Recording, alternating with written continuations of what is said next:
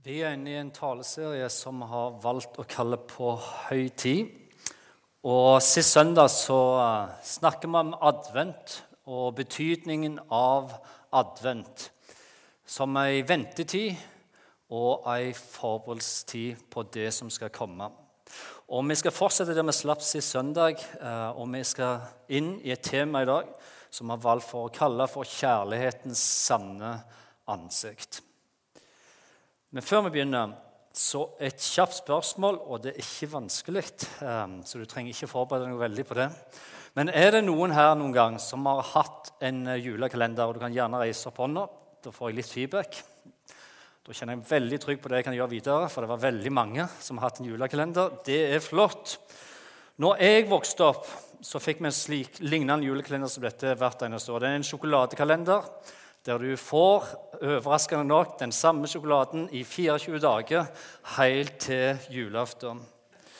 Og om du har glede deg, da, så var det jo sånn at hvis mor virkelig virkelig gira på og oppgraderte denne kalenderen, herrene, så kunne du være heldig å få en litt ekstra stor julenisse på julaften. Med samme smak sjokolade. Denne sjokoladen her, den lå og venta på deg, og um, det var en glede, og det var spennende. Men det er her det store spørsmålet kommer. Og, um, men har du noen gang opplevd og det er klart, jeg, Sannheten jeg skjems litt over dette. jeg gjør det, så det skal jeg si meg. Men har du noen gang opplevd, er du her som har noen gang opplevd dette, at når du åpna den første luka 1.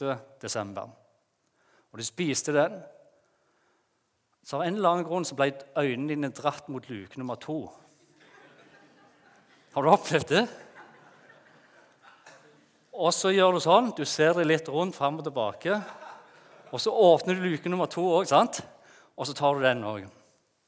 Og igjen så blir øynene dratt imot luke nummer tre. Hvor er den? Ikke fordi at du skal ta sjokoladen, du har bare lyst til å finne ut hvor den luka er. sant?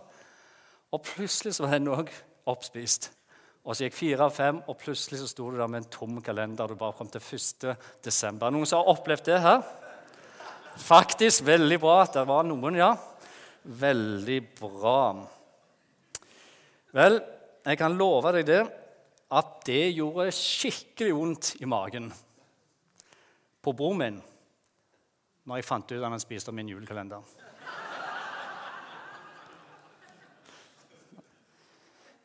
Vi skal i dag se på to veldig kjente personer i juleevangeliet. Det er to personer som har helt forskjellig inngang til det som skulle skje i Betlehem og i stallen. Og Vi snakker i dag om to som står utrolig nært hverandre, men har to helt forskjellige innganger. Vi snakker om Josef, som tok på seg farsrollen til Jesus, og vi snakker om Marie, som var mor til Jesus. Og På den ene sida snakker vi om Josefs skam, om skam.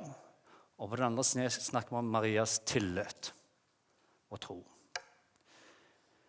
Og det er da min påstand, om dette i dag, at jeg tenker at vi alle her, alle vi som er her, kan kjenne oss igjen i Josef sin skam. Og vi kjenner til tilliten til Maria og det å tro. Vi kjenner følelsen av det utrygge når det møter oss når liv overrasker, når vi gjorde en ting som vi ikke skulle gjort. Skammen kjenner vi. Den har fulgt oss fra første dag vi kom her på jorda. Som barn kjente vi skammen. Og det vil være personer her og rundt oss som har båret på ting i så mange år pga. skammen har dette med seg. Eller som Maria. Du kan bære med den tryggheten at en stoler på at selv om jeg ikke strekker helt til, selv om ikke jeg fikser det som jeg skulle ønske, så er det en som jeg har så stor tillit til og stoler på og elsker meg for den jeg er. Josefs skam, Marias tillit. Nå vet jeg ikke om du vet dette, men I Norge så har vi ei liste. Det er ei liste som FN har lagt til rette for hver eneste år de siste åra. Poenget med denne lista her er at de forsker og vurderer hvilket land er det i verden som er det lykkeligste landet.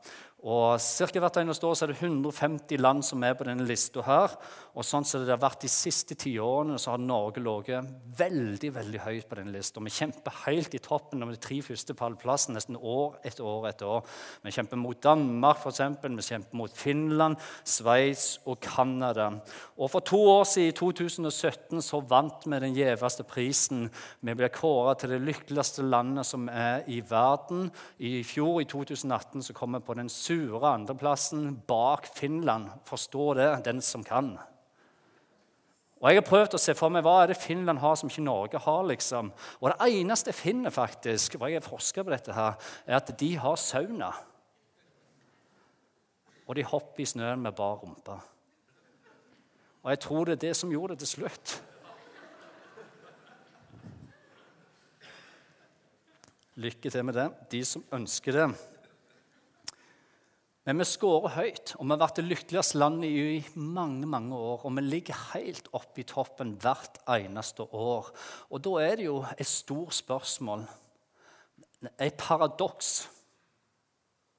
at når vi er dette lykkelige landet, når vi har den framgangen, så gode livsvilkår og den livsstandarden som vi har i Norge, hvorfor er det da allikevel så mange mennesker som opplever at dette lykkelandet påvirker de på en måte at de har nedgående kurve i sin egen lykke og i sin egen livskvalitet.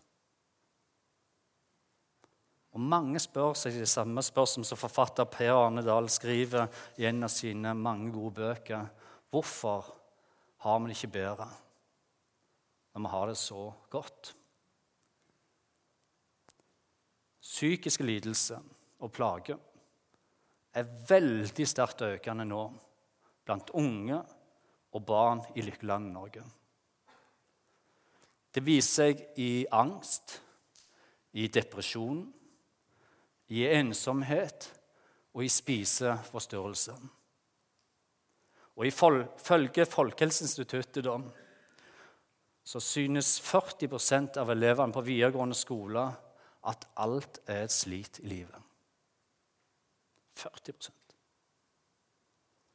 Og blant jenter mellom 18 til 20 år så har andelen med psykisk lidelse økt med 40% Og det bare på noen få år.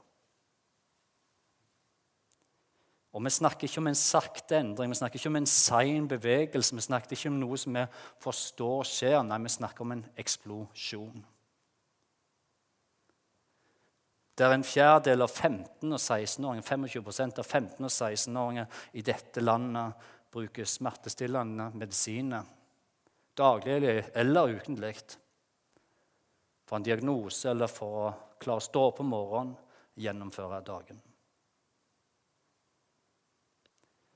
Og Det handler om selvbilde, det handler om ytre og indre press, om usunne forventninger om frykt for å ikke prestere godt nok, om å skjule seg sjøl. Og den, den virkelig bare kunstige masken. Hvorfor har vi det ikke bedre når vi har det så godt i lykkelandet Norge? I Bibelen og i Matteus evangelium så møter for første gang Josef. Og denne unge mannen som var trolova med Maria, og som senere skulle ta på seg farsrollen for Jesus. Men, men, det var ikke det Josef tenkte i utgangspunktet at han skulle gjøre. ta på seg farsrollen. For det Josef tenkte, og reaksjonen til Josef var når han fikk høre Maria var gravid, var dette. Josef, mannen hennes, som var en rettskaffen og ikke ønsket å føre skam over henne, ville da skille seg fra henne i all stillhet. Og Grunnen til at Josef ønsker å skille seg fra Maria i stillhet og ikke føre skam over Maria, var for det første at dette her kunne ikke være hans barn. Og for det andre at Moseloven, som var den tida, som de òg fulgte, ga han i grunnen bare to valg her. Nummer én han kunne skille seg fra henne i stillhet. Ved to vitnes nærvær så var det greit. Eller nummer to han kunne tillate dødsstraff for Maria. som var straffen, men ikke mye brukt på den tiden, men det var straffen òg hun kunne få på den tida, og ville dermed føre skam over både Maria og familien til Maria.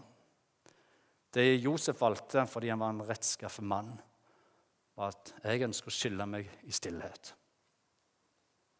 Og det her skammen får sitt sanne ansikt òg, eller maske, da, på en måte. Fordi det skammen har med seg, er dette at vi ønsker å holde det i stillhet.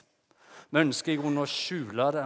Vi ønsker ikke at andre mennesker skal få til det, tak i det fordi vi er så redd for å miste ansikt. Hva ville de tenke hvis de visste det? Hva tenker de da? Mister jeg de?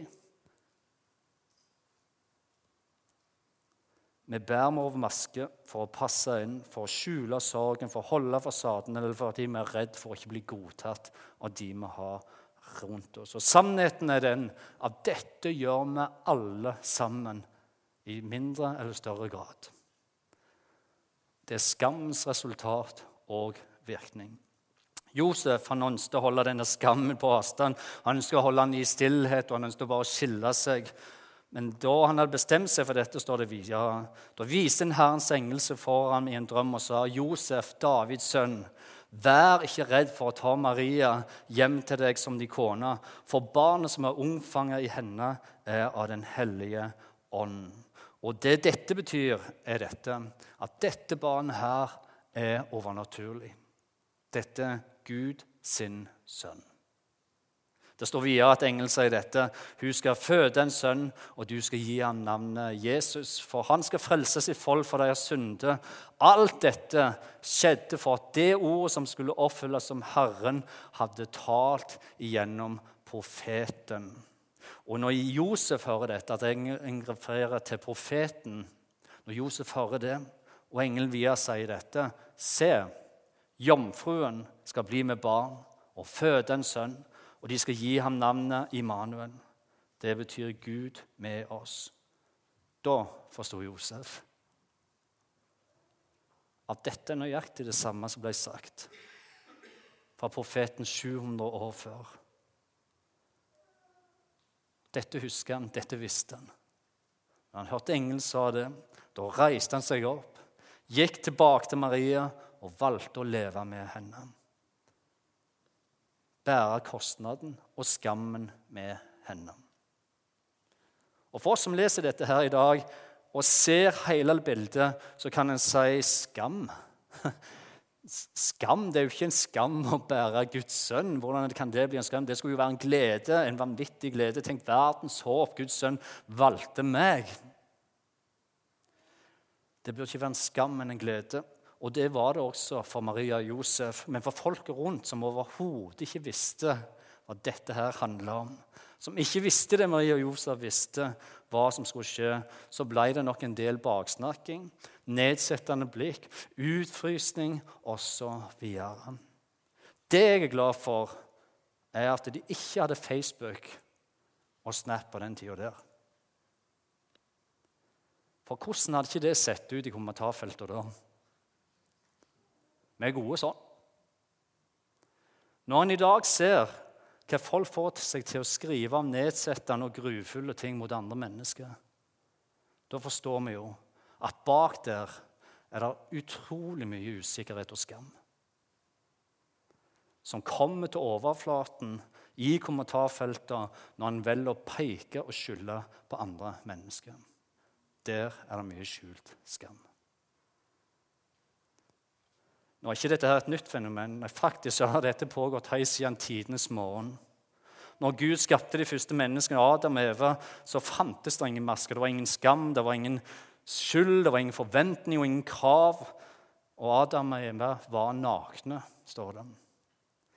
Men når de levde ansikt til ansikt med Gud og de trengte ikke å gjemme seg for Gud. Det som står videre, at Adam og Eva ble fristet. og det Fristelsen gikk ut på at de skulle selv kunne ta til seg kunnskapen og skille om hva som var godt og hva som var vondt. De skulle bestemme hva som var godt for dem, og så skulle de selv være Gud nok til å bestemme hva som var vondt for dem. Det er ikke så ulikt som veldig mange ønsker å ha det i dag. Jeg ønsker å bestemme hva som er godt, og jeg ønsker å bestemme hva som er vondt. Og med en gang de gjorde det, så kom skammen som det første inn i livet deres. Og Det står at de gjemte seg for Gud. Og det står via dette, Når de hørte lyden av Herren Gud som vandret omkring i hagen i den svale kveldsbrisen Og mannen og kvinnen, hva gjorde de? Jo, de gjemte seg for Herren Gud blant trærne i hagen. Men Herren Gud ropte på mannen og sa, 'Hvor er du?' 'Adam, hvor er du?' Og så er det bra at vi får med oss dette. Når Gud roper på Adam, så er ikke dette et eh, fysisk spørsmål. 'Adam, hvor er du?' For Gud visste veldig godt hvor Adam var. Han visste at han lå og gjemte seg bak trærne. Så det er ikke et fysisk spørsmål Gud er ute etter. Men spørsmålet Gud spør, 'Hvor er du, Adam?' er et relasjonelt spørsmål. Hvor er du, Adam, i din relasjon til meg nå? Hva er det du holder på med? Hvorfor gjemmer du deg for meg? Det står videre. Han, altså Adam, svarte. Jeg hørte lyden av deg i hagen, og jeg ble redd fordi jeg er naken. Fordi jeg var naken, så gjemte jeg meg. Da sa han, Gud, hvem er det som har fortalt deg at du er naken? Og allerede her, med de første menneskene på jorda, så ser vi at behovet for å skjule seg, behov for å gjemme seg, behov for å holde avstand fordi en er redd for hva Gud kommer til å si om dette. Og det neste Adam gjør, og som er skammens typiske mønster, er dette at han peker på andre for å slippe å blottlegge sin egen skam. Og han sier det var Eva sin skyld. Ikke ulikt som mange av kommentarfeltene som jeg kan lese i dag. Der er synderen. Deres feil. De må få svi. Når NRK i 2015 for første gang viste denne ungdomsserien Skam, så slo han inn i en ungdomsgenerasjon vår i Norge med et enormt trykk. Fikk enorme seertall. Og Grunnen til at han traff så sterkt, var fordi temaene de tok opp i serien, var veldig dagsaktuelle. De var nære, og så var de ærlig nakne. Og Noen av temaene ville en kjenne seg mer igjen i, og noen temaer ikke så mye, kanskje. Men de temaene de tok opp, var f.eks. de seksualitet tok opp religion, de tok opp voldtekt, kroppspress, drikkepress osv. Det de gjorde, var å lage en ærlig versjon av kulturen og livet slik som disse ungdommene opplever livet deres. Det som er noe interessant, da, er jo det at når de skulle finne navnet til denne serien, og De spurte skuespillerne og de involverte hva denne serien, hva var sentrum, hva er essensen i de livet deres lever, og som dere spiller ut her. Hva er essensen?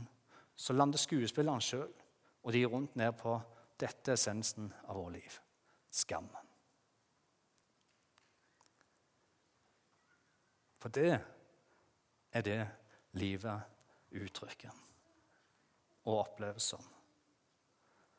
Forfatter Olav Dønn, som levde fra 1876 til 1939, som også ble eh, eh, nominert til Nobelspris. Han skriver på nynorsk, han skrev mye på nynorsk. Han skriver 'Skamma er vondere enn noe annet vondt'. Skamma er vondere enn noe annet vondt. Og Noe av grunnen til det er fordi en tenker at en mister ansikt. Og Derfor så beskytter en selv, og så bærer en på det selv. En må jo gjøre seg fortjent til dette. En må jo prestere, og en må jo levere. Og en tar på seg ei maske som omgivelsene takler. tenker en. Om det er på skolen, om det er jobben, om det er på Facebook eller Instagram, om det er på trening blant venner, om det er i ekteskap, om det er i familie, og i hvert fall når det kommer til å være en del av ei kirke og menighet.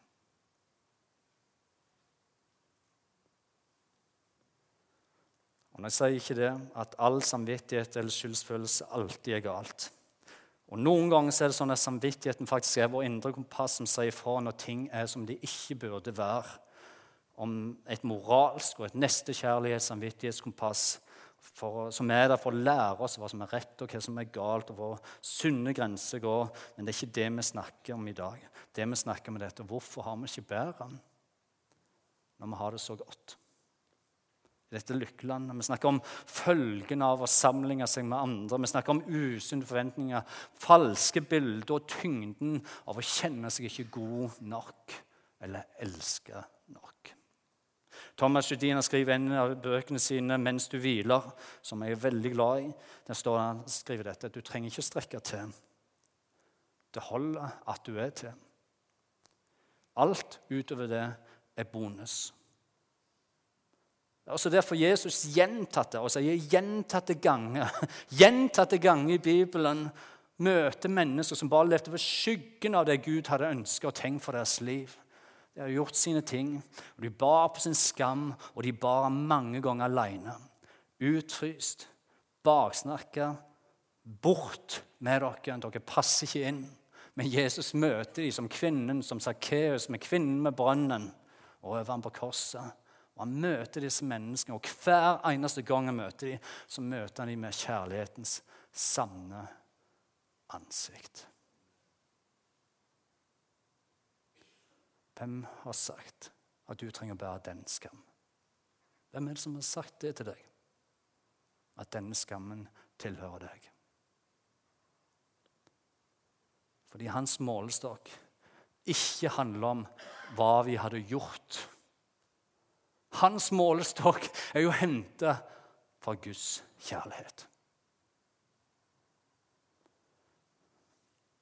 Du trenger ikke strekke til. Det holder at du er til. Alt utover det er bonus. I Salme 27 så skriver David noe som er så sant, og det er nakent og det er rett på sak. Han skriver dette. Herre, jeg minnes at du har sagt dere skal søke mitt ansikt. Ja, ditt ansikt søker jeg, Herre. Skjul ikke ansiktet for meg. Og hva betyr det? Jo, det betyr at Gud ikke søker dine og mine hender. Han er ikke interessert i vår prestasjon eller hva vi kan gjøre. Han søker ikke våre kvalifikasjoner, han søker ikke etter våre tjenester i det hele tatt. Det er ingenting vi kan gjøre eller ikke gjøre som noen gang kommer til å bestemme vår verdi for Gud. Det Gud ønsker, og det Gud søker, er det samme som han søkte Adam og Eva har søkt i tusenvis av år med mennesker opp gjennom, er ditt ansikt. Et ansikt uten maske. Et ansikt som er nakent, ærlig. Og hvorfor gjør han det? Jo, for din egen verdis skyld. For din egen verdis skyld. Det er også det som gjør at Gud velger en enkel, liten stall i Betlehem. faktisk. I en bortgjemt stall, ubetydelig by som Betlehem, og ei lita ung jente, ei tenåringsjente som må være ubetydelig på den tida, i fattelige kår, velger Gud. Nakent, enkel, ekte, skjørt og uten noen form for maske. Fordi han ville møte oss mennesker akkurat der vi var i livet. Ansikt til ansikt. For å vise sitt sanne ansikt. Kjærlighetens ansikt.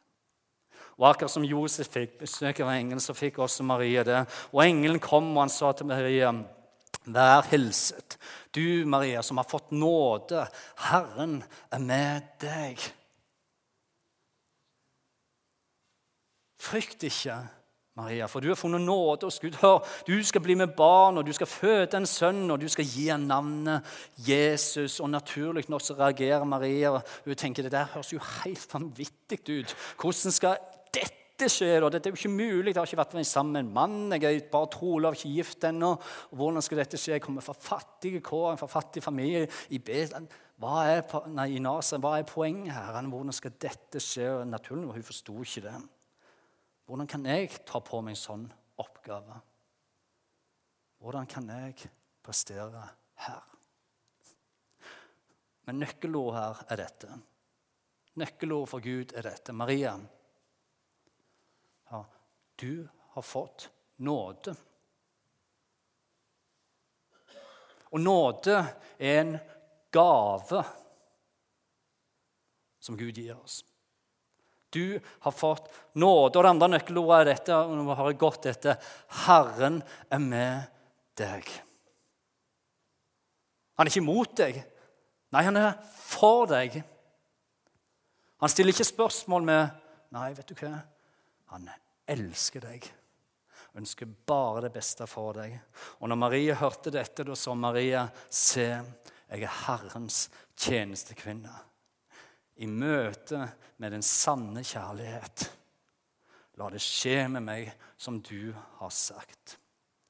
Om det er én ting jeg har lært meg, så er det ja, Jeg har lært noen ting, da, men hvis det er én ting jeg virkelig har lært meg, så er det dette. At jeg er i grunnen ganske lett erstattelig i min jobb som pastor.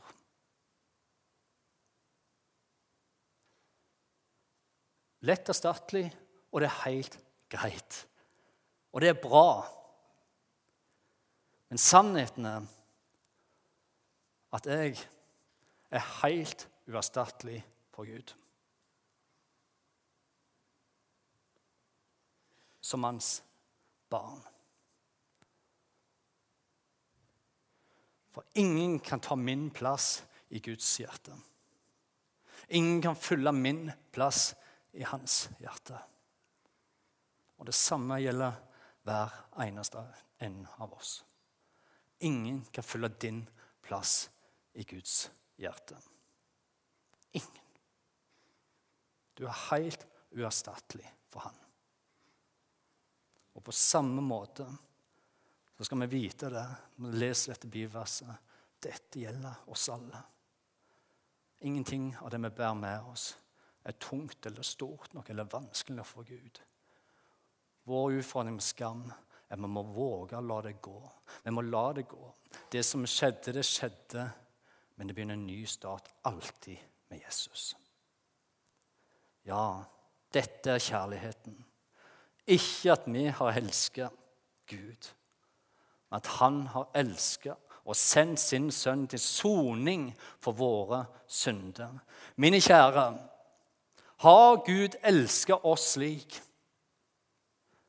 Ja, da skylder vi også å elske hverandre slik. Spørsmålet hvilket bilde har du med deg når du tenker på Gud? Hvilket ansikt er det som ligger i dine tanker? Er det en bestefar med rynke og skjegg, kanskje? Eller er det en julenissefigur som dukker opp hver jul, og så er han der en periode, og så forsvant han stille av gårde? Er det en dømmende og sint Gud?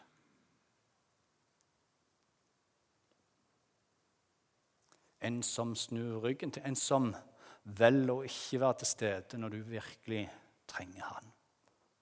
Er det bildet ditt? Eller bildet vi ser for oss. En lidende Messias som bøyde seg ned for oss, som kom som et barn til jorda på den måten, som levde i en fattig familie, som vokste opp i den familien, og som ene og alene kom for å dø på et kors. For å vise Gud sitt sanne ansikt. Jeg elsker deg. Kjærlighetens sanne ansikt. Skal vi be sammen til slutt? Gode Far i himmelen. Takk for at du gjennom din bibel viser oss gjentatte ganger hvor høyt du verdsetter oss, vår tilstedeværelse, vår relasjon med deg, vår ærlighet. Du ber oss ikke om å skjule noen ting, men ta av oss alle maskene. slik at vi kan få møtes ansikt til ansikt. Derfor du lovte ditt ord at du aldri skulle overlate oss alene. Men du møter oss alle akkurat der vi er i livet nå i dag. Og du ser den av oss som bærer og har båret med seg i årevis. Og som kjenner at ennå så dukker det opp. Men takk, Herre, for at du har lovt, og du har sagt i ditt ord, at du kunne ha fredstanker Du har ingen ulysttanker for oss, men framtid og håp. Og du har skapt oss til å leve i en relasjon sammen med deg. Og du sier at du skal bære, ham. du skal ta bort, du skal frelse og gi nytt liv. Og I det ligger det òg at skammen ikke har makt over oss. Men vi kan få gi det til deg. Takk, Herre, for at du viste ditt sanne ansikt når du gikk rundt på jord og du møtte mennesker. Som vi mennesker ville lett ha sagt de går i hvert fall ikke i en menighet. De hører til, i hvert fall ikke til i kirken. De tror ikke på deg.